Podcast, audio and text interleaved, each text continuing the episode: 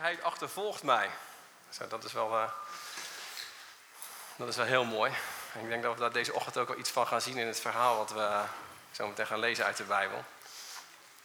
We gaan denk ik een heel uh, bekend verhaal lezen voor de meesten.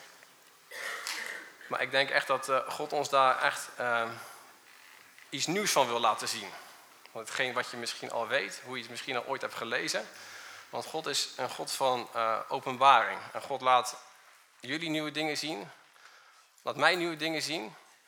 Waardoor we nog meer van zijn liefde en goedheid en genade gaan zien in hetgeen we lezen. Soms is het best wel een hele kunst om überhaupt de goedheid van God te lezen in de Bijbel. Wanneer we met ogen van misschien uh, oordeel daar naartoe kijken.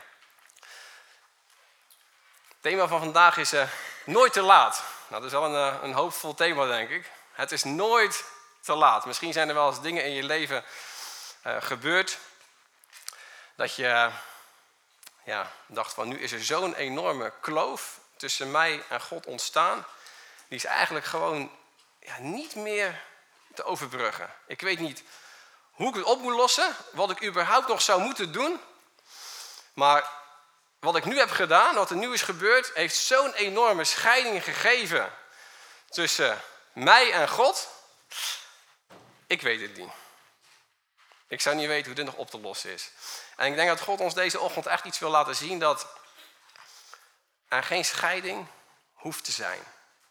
Er hoeft geen scheiding tussen, te zijn tussen jou en God. En dat God niets liever zou willen en echt verlangt om een persoonlijke relatie met, uh, met je te hebben. En weet je, als Jezus uh, in de evangelie aan het, uh, aan het spreken is, dan spreekt hij heel vaak wet. nu denk je van, ja, kan dat nou? Jezus spreekt toch geen wet? Spreekt toch juist genade? Nee, als Jezus met hele klipklare woorden zijn publiek aanspreekt, dan predikt hij over het algemeen wet. En waarom predikt hij wet? Omdat ze de wet hebben verlaagd tot zo'n niveau van menselijke maatstaaf waarop die te houden zou zijn. Dus Jezus denkt, ja, maar dat is niet de bedoeling. De wet, die kan je als mens niet, niet houden en daarmee uh, redding verdienen. Nee, Jezus brengt in zijn prediking altijd de wet weer terug op het niveau waar die zou moeten zijn. Maar als Jezus het heeft over het evangelie, als Jezus dingen deelt van wie God echt is, wat het hart van God is, dan deelt hij dat niet zo in hele klipklare brokjes, zeg maar, naar de mensen. Dan deelt hij dat vaak in geheimenissen. Hm? En dat noemen we ook wel gelijkenissen. Dat wanneer mensen dat horen, dat ze denken van, wat moet, ik hier nou mee? Uiteindelijk, natuurlijk, toen de discipelen uh, zagen wat Jezus allemaal had gedaan na het kruis, was het voor hen heel makkelijk om te zeggen, ja, ook, ja, nu snap ik überhaupt, nu snap ik wat het betekent. Maar Jezus deelde in geheimenis. Maar het mooie is dat wij niet meer in die tijd leven van die geheimenissen. Wij leven in de tijd van dat Jezus is gestorven, is gekruisigd, opgestaan, dat dood is overwonnen. En wij leven in de tijd dat die geheimenissen als het ware zijn onthuld. Nou, nu gaan we vandaag kijken naar een geheimenis wat Jezus zijn hoorders wil, waar, waar, Jezus zijn hoorders van wil overtuigen. En ik denk dat dat echt uh, ja, een heel mooi uh, geheim is. Een mooi stukje openbaring is, wat jij en ik echt deze ochtend in ons hart mogen, ja, echt in ons hart mogen laten mogen landen. Um, we gaan naar uh, Lucas 15 en we gaan naar het uh, verhaal kijken van, ja, ik wil zeggen de verloren zoon. Ik ben zelf over de titel gaan twijfelen. Zijn niet de verloren zonen? Wie is nou überhaupt verloren in het hele verhaal? Maar daar komen we vast nogal op terug zometeen. Maar Jezus vertelt een gelijkenis en hij heeft daarvoor nog een aantal gelijkenissen verteld. En eigenlijk met het idee dat de fariseeën en de tollenaars, dus de, de, de geestelijke van die tijd en de tollenaars, de mensen die hulden met de vijand en ook de zondaars, dat de fariseeën die konden daar gewoon helemaal niks mee. Weet je, dat Jezus nou omgaat, Jezus gaat om met tollenaars en zondaars, met tollenaars en prostituees. Daar praat Jezus mee. Kom aan, Jezus, als jij, als u nou zou weten wie die mensen zijn, dan zou u zich nooit op die manier opstellen naar deze mensen. Maar dat is niet de waarheid. Jezus wil zijn hoorders een hele diepe les leren. En hoe doet hij dat? Hij vertelt ze een verhaal. En dat verhaal, die gelijkenis, gaan we deze ochtend uh, met, elkaar, uh, met elkaar bekijken. Hij, zegt, hij zei, een zeker mens had twee zonen. De jongste van hen zei tegen zijn vader, vader, geef mij het deel van de goederen dat mij toekomt. En hij verdeelde zijn vermogen onder hen. En niet veel dagen daarna maakte de jongste zoon alles te gelden en reisde weg naar een ver land en verkwiste daar zijn vermogen in een losbandig leven. Dus die vader had twee zonen en de jongste zoon, niet de oudste zoon, had nog enigszins misschien uh, uh, geaccepteerd geworden, maar nee, niet de oudste zoon, de jongste zoon, die vraagt aan de vader, geef mij mijn bezit wat mij toekomt. Ja, wat, wat wens je dan eigenlijk, wat is dan eigenlijk je opstelling naar je vader? Hm? Dan wens je eigenlijk dat zijn begrafenis al geweest zou zijn. Je wenst, je wenst hem eigenlijk dood, maar je wil al datgene ontvangen wat jij krijgt nadat hij is overleden. Dat wil jij.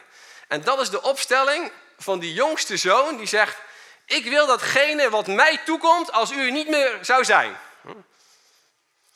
En wat doet die vader? Die, die wordt niet boos. Die zegt niet van: uh, Jij zoon, wat denk jij wel wie je bent? Dat je dit durft te vragen aan je vader, een beetje respect. Nee, die vader, wat doet die vader? Hij verdeelde zijn vermogen onder hen. Dus hij gaf niet alleen wat het gedacht, hij gaf dat stukje even aan die jongste zoon. Wat waarschijnlijk een derde is geweest dat de jongste zoon normaliter zou krijgen. In ieder geval niet de helft.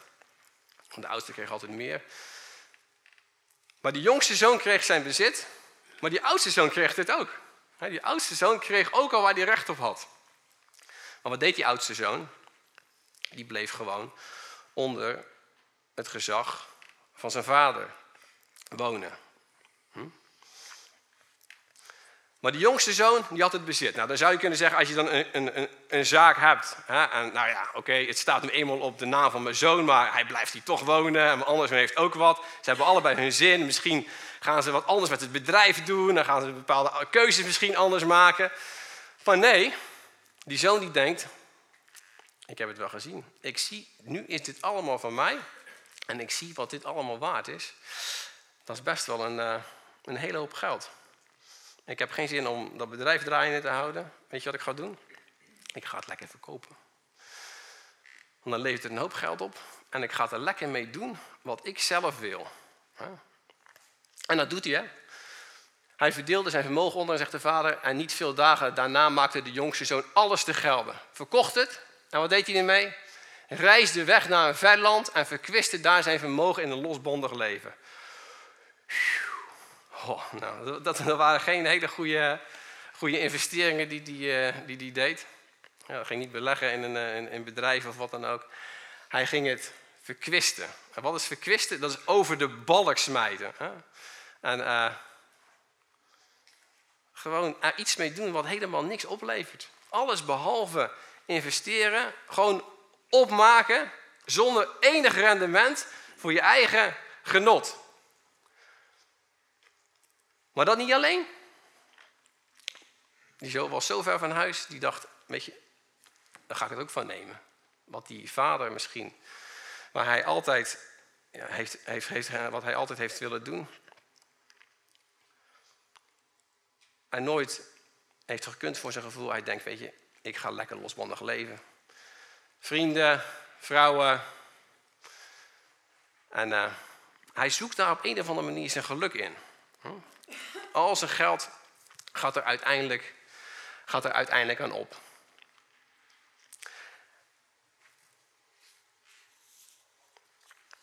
Nou, het bijzondere is eigenlijk dat die fariseeërs, die, uh,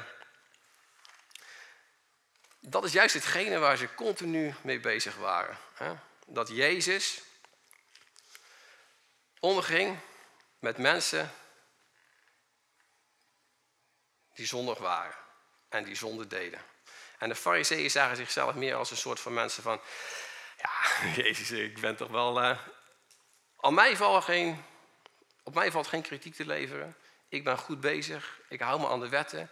Ik doe alles. Maar die tollenaars en die zondaars die bij u komen... dat is het uitschot van de maatschappij. En God zal die mensen oordelen. God zal ze alles behalve lief hebben. Dat was eigenlijk het idee wat de fariseeën hadden. En daarom gaat Jezus daar zo op in. En daarom zegt hij juist, hè, die man die naar een ver land gaat, die gaat niet alleen zijn geld opmaken, nee, die gaat helemaal zijn boekje te buiten, zouden we zeggen. Dat de afstand tussen hem en die vader zo enorm groot is, dat er eigenlijk, zou je zeggen, er is geen weg terug meer voor deze jongste zoon, voor hetgeen die allemaal heeft uitgevreten. Als hij misschien nog maar denkt aan hetgene wat zijn vader ervan zou denken, dat hij al zou denken, oh my, dit is echt niet uit te leggen aan mijn vader. Wat ik allemaal heb gedaan, hoe zootje ik ervan heb gemaakt. Maar wat gebeurt er dan? Toen hij er alles doorgebracht had, kwam er een zware hongersnood in dat land en begon hij gebrek te lijden. Ah, dus zijn, zijn geld, zijn goederen, alles wat hij had, het bracht hem uiteindelijk niet echt datgene wat hij nodig had. Op een bepaald moment begint hij gebrek te lijden. Is misschien droogt in het land. En wat doet hij dan? Hij gaat nog niet naar huis toe. Hij ging heen en voegde zich bij een van de burgers van dat land. En die stuurde hem naar zijn akkers om de varkens te, te weiden. En hij verlangde ernaar zijn buik te vullen met de schillen die de varkens aten, maar niemand gaf hen die. Nou, Weer een dieptepunt voor de fariseeën. Want wat deed deze man? Leefde niet alleen een losbandig leven. Hij ging ook nog werken voor een heiden. En last but not least, hij ging ook nog bij de varkens werken. Kom aan. Voor ons betekent dat misschien niks, maar voor hun waren die beesten super, super onrein. Als je iets niet doet, is dat het wel. En uiteindelijk heeft hij zoveel honger, dat hij ook nog ernaar verlangt om zijn buik te eten, eh, eh, zijn buik te vullen met het eten van die varkens. Zo, ik weet niet wat de maaltijd is geweest bij zijn vader, maar ik, ik, ik schat toch in dat dat wel een andere maaltijd is geweest. Maar dan gebeurt er iets. Dan gaat hij nadenken. En nadat hij tot zichzelf gekomen was, zei hij: Hoeveel dagloners van mijn vader hebben brood en overvloed en ik kom om van de honger? Zo, hij kwam even tot zichzelf. Hij zat daar zo tussen die varkens en hij dacht van, dit is uh, toch wel een heel groot verschil. Met het leven wat ik achter me heb gelaten. Ik heb al een tijdje plezier gehad, maar waar zijn mijn vrienden nu? Mijn vrienden zijn weg. Ik heb geen familie meer die dichtbij me is. Ik heb geen huis wat mij beschermt. Ik heb geen mensen die voor mij opkomen. En hij wordt eigenlijk gedwongen door de omstandigheden om na te gaan denken.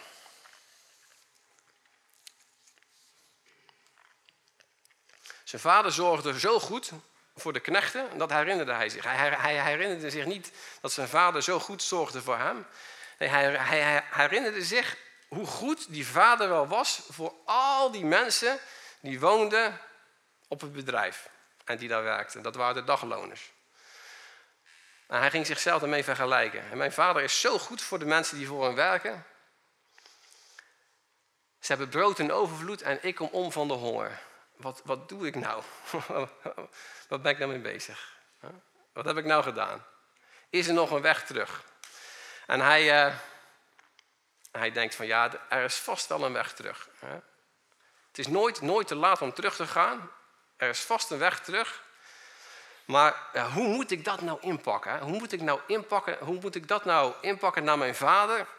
Dat ik uh, ja, het leven wat ik heb geleefd, ik heb hem vast een hoop verdriet gedaan. En hij, uh, voor mijn gevoel, gaat hij een soort van, uh, ja, ik zou bijna zeggen, een, uh, een speech voorbereiden. Waarop hij denkt van, nou, als ik dit zeg, als ik deze woorden gebruik, als ik het zo, als ik het zo ga inpakken, dan heb ik wel kans dat mijn vader heel misschien, eventueel, mij gaat accepteren als een dagloner. En dat ik toch op het bedrijf mag komen werken. En dat hij mij natuurlijk niet meer als een zoon behandelt. Hè, want dat is natuurlijk, uh, ik heb alles opgemaakt, ik heb me slecht gedragen. Dat ik uh, toch misschien een van die dagloners kan gaan worden. Hij zegt, ik zal opstaan naar mijn vader gaan en tegen hem zeggen... Vader, ik heb gezondigd tegen de hemel en tegenover u.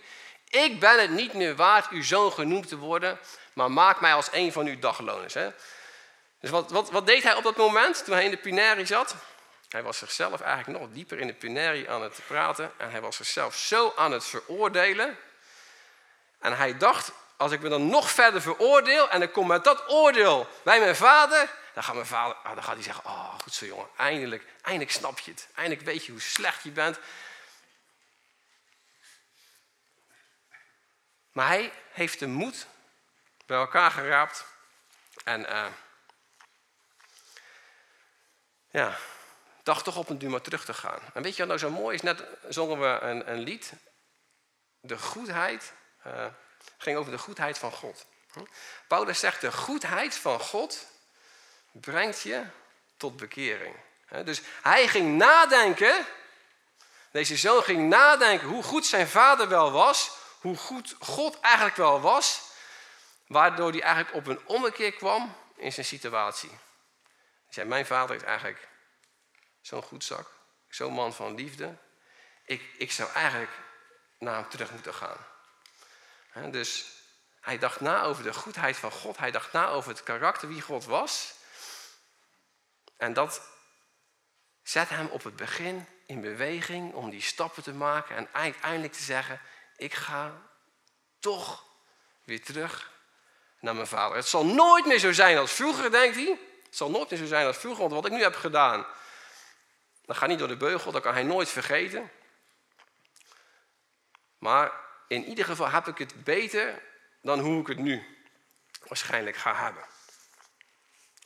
En hij denkt eigenlijk dat die vader op grond van zijn beleidenis gaat zeggen: Ja,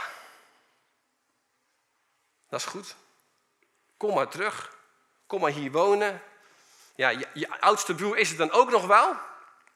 Die moet je misschien een beetje ontlopen. Um, maar um, ja, voor de rest zal ik je gewoon zo behandelen als de rest van de mensen hier. Ik ben in ieder geval blij dat ik je af en toe weer kan zien. Uh, dat is misschien de hoogste verwachting die hij voor zichzelf had. hoeveel te meer moet deze man versteld hebben gestaan van wat die vader zometeen allemaal zegt tegen hem. En hoe groot het contrast is tussen hetgene wat hij dacht dat de vader met hem om zou gaan. En uiteindelijk wat de vader in de praktijk gaat, uh, gaat doen. Hij stond op, ging naar zijn vader en toen hij nog ver van hem verwijderd was, zag zijn vader hem en deze was met innerlijke ontferming bewogen. En hij snelde hem tegemoet, viel hem om de hals en kuste hem. Dit is zo'n mooi beeld wat we hier zien. Een vader die niet geërgerd was, getergd was, misschien helemaal verbitterd was voor hetgene zijn zoon hem had aangedaan. Die vader, die stond op de uitkijk. Die vader zat te wachten tot die zoon weer terug zou komen.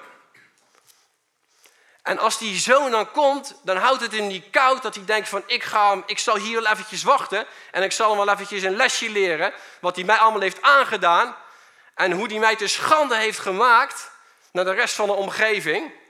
Nee, hij rent er naartoe. Moet je weten dat het in die tijd is het eigenlijk een schande dat als een ouder iemand, en zeker in de kledij van destijds, naar zo'n jonger iemand toe rent. Normaal gesproken wachten ouderen, die wachten tot de jongere naar hem toe komt. Maar wat doet hij? Hij verlangt er zo na om zijn liefde aan die zoon te tonen, dat hij er naartoe rent. En die vader zou heel emotioneel geweest zijn, met innerlijke ontferming bewogen. zijn hart was enorm geraakt. Zijn hart had echt liefde. Zijn hart had, straalde compassie uit voor de situatie waar die jongen in was geweest. Snelde hem tegemoet, viel hem om de hals en kuste hem. Kan je je voorstellen hoe die man eruit heeft gezien? Het zou waarschijnlijk niet zo heel schoon zijn geweest. Dus die vader zegt niet van, kom, eerst even wassen. Ik ga mijn knechtjes even sturen. Eerst even wassen, eerst even schoonmaken. En dan, nou, dan kunnen we misschien van afstandje met elkaar praten. Nee. Met alle ellende waar deze jongen mee thuis kwam. Met heel ze hebben en houden. Rent zijn vader naar hem toe. Springt hem, uh, duikt hem om de hals, zou je bijna zeggen. En, en kust hem. En laat echt zien, zoon, ik ben zo blij. Ik ben zo blij dat jij er bent. Ik ben zo blij. En dan denkt die zoon, ja, wat had ik ook weer ingestudeerd? Oh ja, ik moet nog wat zeggen tegen mijn vader.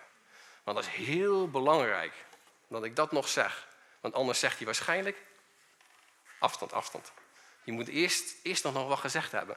Hij zegt, de zoon zei tegen hem, vader, ik heb gezondigd tegen de hemel en tegenover u. Ik ben niet meer waard uw zoon genoemd te worden. Zo, nou, wat zal die gedacht hebben? Nou, eindelijk. Het, het is eruit. Hetgeen wat ik had ingestudeerd, het kan in ieder geval nooit aan datgene liggen, dat ik dat misschien niet heb gezegd, dat de vader nog tegen mij zegt, je komt er niet meer in. Maar weet je wat het typisch is? Die vader gaat er helemaal niet op in. Ah, dat is wel een beetje apart. Nou, nu zou je zeggen, nu komt het hè.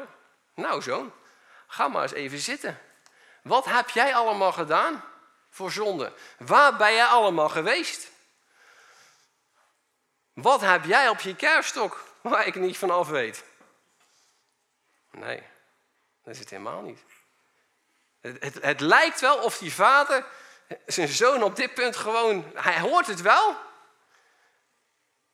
Het gaat één oor in, ander oor uit. Hij negeert het eigenlijk gewoon. Die vader heeft een veel ander plan, heeft een veel ander idee. Om, om feest te gaan vieren voor hetgeen er is gebeurd in zijn huis. De vader zegt tegen zijn dienaren: Haal het beste gewaad tevoorschijn, trek het hem aan en geef hem een ring aan zijn hand en sandalen aan zijn voeten. En breng het gemeste kalf en slacht het. En laten we eten en vrolijk zijn. Want deze, mijn zoon, was dood en is weer levend geworden. En hij was verloren en is gevonden. En zij begonnen vrolijk te zijn. Zo, hé. Wat moet hij zo gedacht hebben?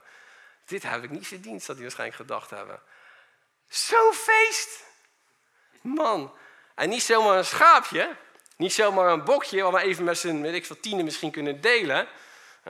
zoals we komende vrijdag op de mannenavond gaan doen. Lekker barbecuen. Nee, niet zomaar wat stukjes vlees. Nee, wat besluit die, die, die vader? Die zegt tegen zijn dienaar, kom, het gemeste kalf. En van dat gemeste kalf kan je echt niet eten hoor, van een, met een klein bedrijf, misschien een boerderij. Nee, dat gemeste kalf was voor iedereen. Voor de, voor de hele omgeving. Iedereen zou uitgenodigd worden om te delen in de vreugde van die vader. Zo. Maar daar blijft het niet bij. Hè? Niet alleen dat gemeste kalf, wat speciaal voor een gelegenheid, min of meer, ja, werd vet gemest dat hij geslacht zou worden. En die vader bepaalde, dit is, de, dit is het moment om feest te vieren. Dit is het moment om iedereen bij elkaar te brengen en te laten delen in de vreugde die ik heb. Weet je waarom? Zodat ze mijn hart gaan leren kennen. Dat ze weten wie ik ben. Dat ze weten hoe mijn hart is. En wat zegt die vader? Hij geeft hem niet alleen, hij gaat niet alleen een feest bouwen, maar hij geeft hem nog veel meer dan dat. Het beste gewaad. Kennen we het verhaal van Jozef? Waarin Jozef een gewaad kreeg. Dat betekent heel wat. Hm, die vader die eigenlijk waarschijnlijk het beste gewaad uit zijn eigen kast eh, heeft laten trekken. En dat die zoon omdeed om hem te herstellen, om hem te bevestigen in het zoonschap en te laten zien aan iedereen die erbij was, dit is mijn zoon nog steeds. Hij is misschien al weg geweest, maar dit is nog steeds mijn zoon. En deze zoon heeft nog steeds de autoriteit die hij in het verleden had. Hij geeft hem een ring. Een heel duidelijk symbool dat die zoon weer deel was geworden van de familie. En hij geeft hem sandalen. Wat zou dat betekenen? Dat hij sandalen kreeg. Maakte gelijk het verschil duidelijk. Dat hij absoluut geen dienaar of dagloner was. Hij werd geaccepteerd als zoon. Niemand zou erover gaan twijfelen. Heeft die vader haar nou wel volledig vergeven? Is die echt weer helemaal hersteld? Gaat die vader hem echt niet anders behandelen? Nee. Alles van top tot teen helemaal in orde. En hij herstelde die zoon weer helemaal in het zoonschap. Want hij zegt, mijn zoon was dood en is weer levend geworden. En hij was verloren en is gevonden. En ze begonnen vrolijk te zijn. Nou, let's go party. Denk je dan. Kom, oudste zoon, kom man, kom mee. Je broer is terug. Moet je toch wel super blij zijn? Je hebt je toch wel ontzettend gemist. Maar nee, die oudste zoon die is eigenlijk helemaal niet zo blij. Die hoort al, dat, uh, die, hoort al die herrie. Die denkt van, jongen, jongen, hoe lang is dat geleden dat er hier een feestje is geweest? En nu zijn ze begonnen zonder dat ik er überhaupt bij ben. Hm? Zijn oudste zoon was op de akker. Was lekker hard aan het werken. En toen hij dichter bij huis kwam, hoorde hij muziek en rijdans. En nadat hij een van de knechten bij zich geroepen had, vroeg hij wat er aan de hand was. Deze nu zei tegen hem, uw broer is gekomen en uw vader heeft een gemeste kalf geslacht, omdat hij hem weer gezond teruggekregen heeft. Zo, wat moet er door die jongen gegaan zijn? Eerst verbrast hij zijn hele hebben en houden. Wij leven uiteindelijk nog op een bedrijf wat een stukje kleiner is geworden, maar al hetgene wat eerst van ons was, is nu van iemand anders. We had het verkocht. Weet je, in die jongen komt zoveel wrok, komt zoveel boosheid naar boven. Die jongen die barst gewoon. En dat komt er zo meteen allemaal uit. Naar die vader.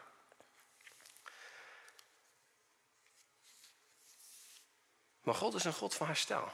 God wil niemand afwijzen. God wil niet die jongste zoon afwijzen, die zondaar.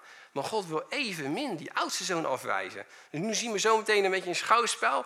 Wat die vader wel gaat doen om uiteindelijk die oudste zoon toch te bewegen. Van weet je, pak het nou alsjeblieft. Pak het nou dat ik ook van je hou. Pak het nou dat je mijn liefde niet hoeft te verdienen. Maar hij was boos. En hij wilde niet naar binnen gaan.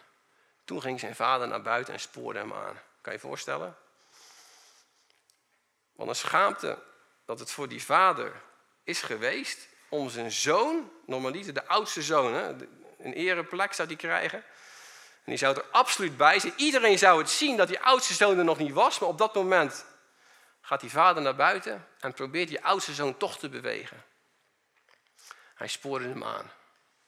Kan je je voorstellen? Dat hij zijn zoon moet gaan overtuigen om toch naar binnen te komen. Hij zegt niet van, nou, als je dat niet wil, we hebben een hartstikke leuk feestje hier, maar als jij dat niet wil, ga dan lekker je eigen ding doen. Nee, hij probeert hem echt te bewegen om toch, om toch deel te worden, toch deel te zijn van dat feest wat hij geeft.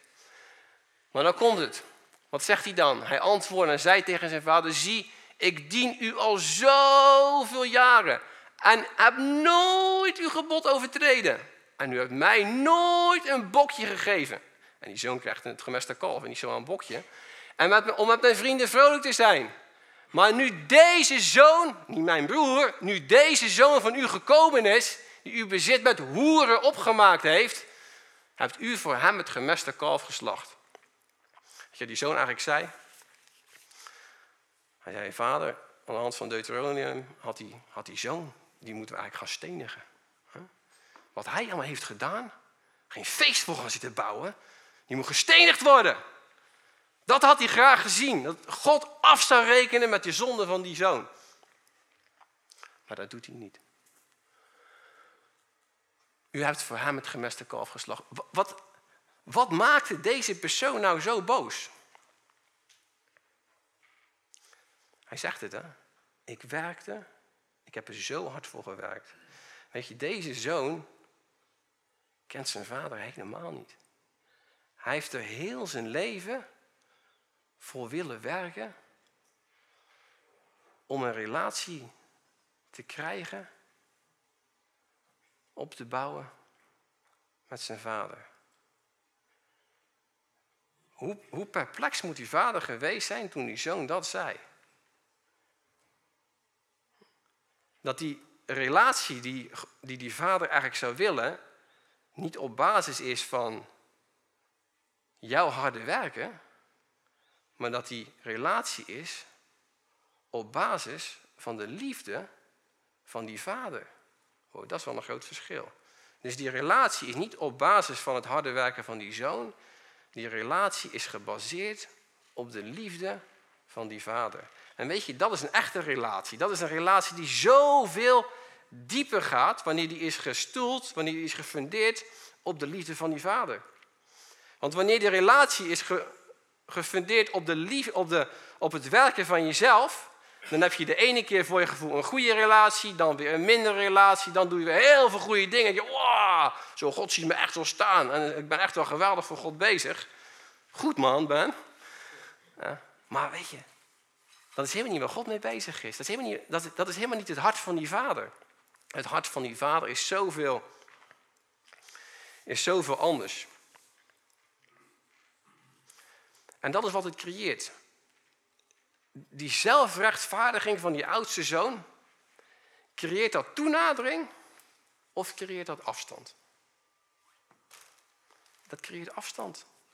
Want hij komt nooit tot het hart van die vader. Hij zal nooit zijn vader op die manier leren kennen zoals die vader echt is.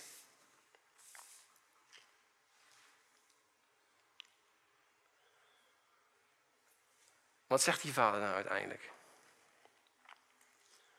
Hij zei tegen hem, kind, je bent altijd bij mij. Al het mijne is van jou. Dat had hij nooit begrepen. Hij had nooit begrepen dat alle, al hetgene wat van die vader was, dat dat van hem was. Maar hij heeft er altijd hard voor willen werken. Kind, je bent altijd bij mij. Je hebt altijd mogen genieten van mijn aanwezigheid. Je hebt altijd mogen proeven van mijn liefde. Uiteindelijk is het er niet ingekomen. En al het mijne is van jou. En op basis daarvan zegt hij, we zouden dan vrolijk en blij moeten zijn, want deze broer van jou was dood en is weer levend geworden. En hij was verloren en is gevonden. Het is nooit te laat. Het is nooit te laat om uiteindelijk toch te zeggen van, maar ik wil, ik wil toch, ik wil deel zijn van dat feest. Weet je, ik, wil, ik wil daar naar binnen. En we kunnen op twee manieren naar binnen gaan. Jezus nodigt allebei die mensen uit. Om ze uiteindelijk te laten eten van het gemeste kroof. Hij nodigt die oudste zoon uit. Die dacht, ik heb de redding niet nodig. Ik ben goed genoeg. En hij zegt toch uiteindelijk tegen hem, en dan zegt hij indirect natuurlijk tegen die fariseeën. Je kan denken dat je goed genoeg bent, maar je hebt mij toch absoluut als redder en verlosser nodig. Zodat je helemaal schoon mag gaan wassen van je zonde. En je mag gaan genieten van de liefde die ik voor je heb. En tegen de jongste zoon. De jongste zoon die zo diep in de put zat. Die uiteindelijk toch naar huis toe komt. Zijn vader herstelt hem. Komt helemaal niet terug op het verleden. Zijn vader herstelt hem in het zoonschap. Weet je, als jij terugkomt naar God, na misschien een tijd omgezworven te hebben, dan word je geen tweede rangs christen, dan word je geen tweede rangs kind van God. Nee. God kent alleen maar zonen en dochters. En dan mag jij worden. En als je als zoon of dochter naar binnen gaat in dat huis, weet je, dan wordt het een feest. Want dan weet je dat het niet meer afhankelijk is van wat jij doet, van jouw werken. Nee, het is afhankelijk van de liefde van God door Jezus. En jij mag daarvan gaan genieten. Je mag daarvan gaan proeven. Je mag de zegen daarvan gaan zien in je leven. Je mag de bescherming uit gaan spreken over je leven. Je mag Gods voorzienigheid gaan zien in je leven. Weet je, die oudste zoon die dacht dat hij er allemaal voor moest gaan werken. Maar God zegt, ik heb het je allemaal al gegeven. Je hebt er helemaal niet voor hoeven te werken. Je, had, zou het zo mogen ontvangen. Zonder dat je er iets voor hebt gedaan. En dat is mooi als we deze ja, ochtend ook stil mogen staan bij het avondmaal. Ik denk, het is zo'n mooi beeld dat die oudste en die jongste zoon uitgenodigd worden om naar binnen te gaan om feest te vieren en te eten van het vetgemeste kalf. En ik denk dat dat echt staat voor ja, alle offers die die fariseeën aan het geven waren in de tempel. Hè? Een brandoffer, een schuldoffer, een, een vredeoffer. Allemaal offers die ze gaven. Maar uiteindelijk zette het hen nooit vrij en wisten ze nooit dat ze geliefd waren op basis van de liefde van Jezus. En niet op basis van hun eigen kunnen, van hun eigen kracht en van hun eigen harde werken. En weet je, dat is waar God zo naar verlangt. Dat jij mag gaan zien wie jij bent in Jezus. Dat jij, als jij binnenkomt in dat huis en gaat eten van wat God je voorschotelt, de redding door Jezus. Weet je, dat dat je zo blij gaat maken. Dat het zoveel vrede in je leven gaat geven. Dat je dat zo gaat vrijzetten van oordeel. Dat het je zo gaat vrijzetten van enig schuldgevoel. Omdat je weet, het offer van Jezus heeft al deze dingen weggedaan. Door het offer van Jezus ben ik niet meer schuldig. Door het offer van Jezus ben ik niet meer zondig. Door het offer van Jezus hoef ik niet meer gestraft te worden. En door het offer van Jezus is er voor mij vrede en is er voor mij vrijheid. Ja, dan gaan we samen gaan we dat, uh, gaan we dat vieren. Weet je, dit is echt een, een feest. Weet je? Dit is het feest waar God zo naar verlangt, waar jij en ik deel aan nemen.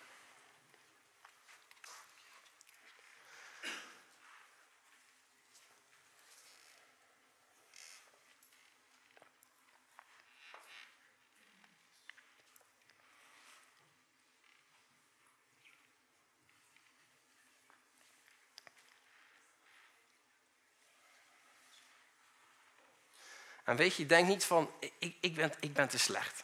Ik ben te slecht om dit te nemen. Weet je, dit is precies voor de slechte mensen. Die goede de goede mensen nemen dit niet. De mensen die denken dat ze goed zijn van zichzelf, die oudste zoon, die denkt van ja, dat, dat moet ik niet hebben. Dat moet ik niet hebben. Maar, dus denk nooit dat je slecht kan zijn en dat je op basis van jouw slechte dingen dit niet zou moeten nemen. Als je weet dat je het nodig hebt. Als je juist weet dat Jezus je redder is, weet je, neem het en eet het. En we mogen daarvan genieten.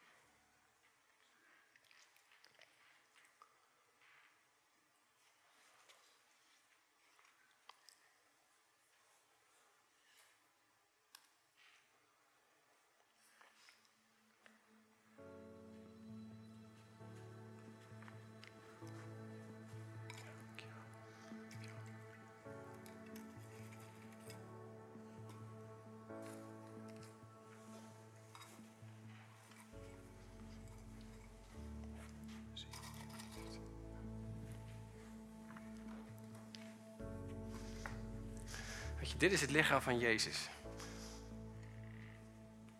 Wat jouw heling geeft. Wat jou tegemoet komt in jouw gebrokenheid. Om te laten zien. Weet je, ik wil jouw heelheid. Ik wil jouw vrijheid. En met dat jij dit neemt, mag jij hem daarvoor danken.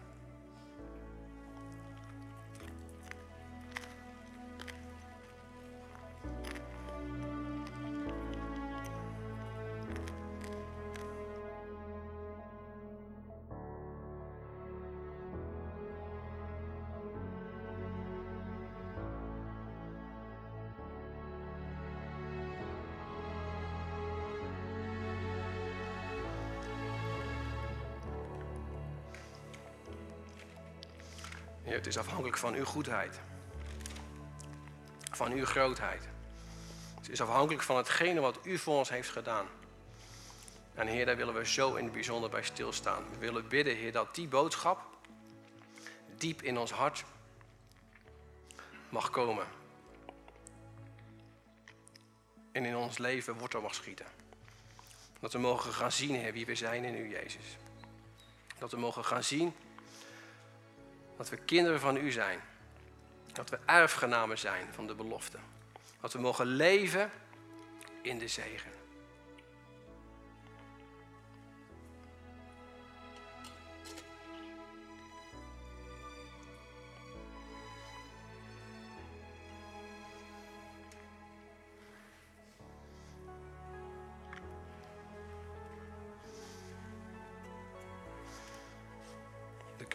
Midden, daar zit uh, druivensap in.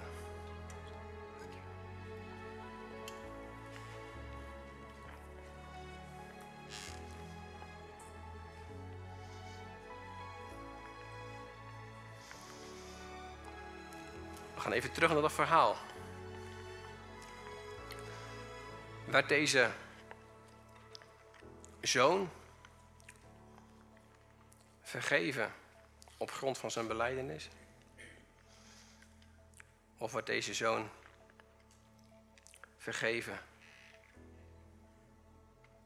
door het offer wat geslacht zou worden en het bloed dat zou vloeien? Wat is hetgene wat deze zoon uiteindelijk zou reinigen van alle zonden? En Johannes zegt het, 1 vers 7. Het bloed van Jezus Christus, Gods Zoon, reinigt jou en mij van alle, alle geen één uitgezonderd. Alle zonden. Het is nooit te laat om terug te gaan. Er kan nooit zoveel tussen jou en God instaan dat er geen weg terug is. En weet je, neem die stap. Als jij denkt dat er iets tussen jou en God instaat, ga naar God toe als een kind. God zal jou nooit afwijzen.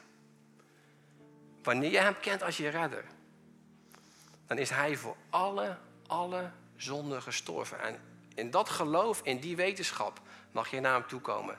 Niet met knik in de knieën, dat je denkt van, gaat God mij nou wel accepteren? Gaat God mij nou niet accepteren? Mogen we bij stilstaan als we zo meteen van de wijn drinken.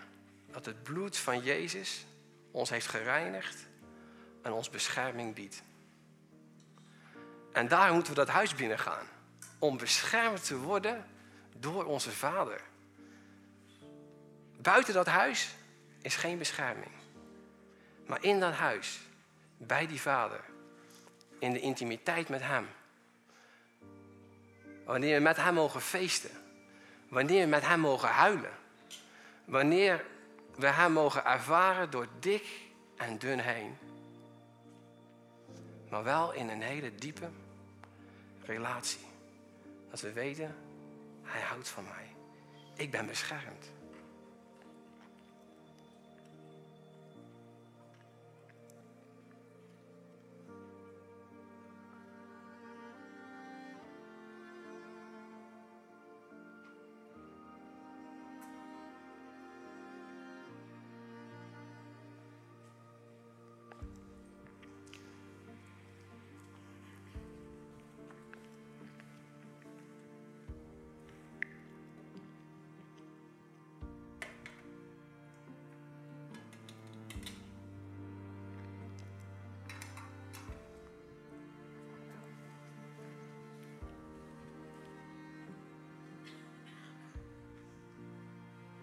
Jezus, wat u voor ons heeft gedaan, is immens groot.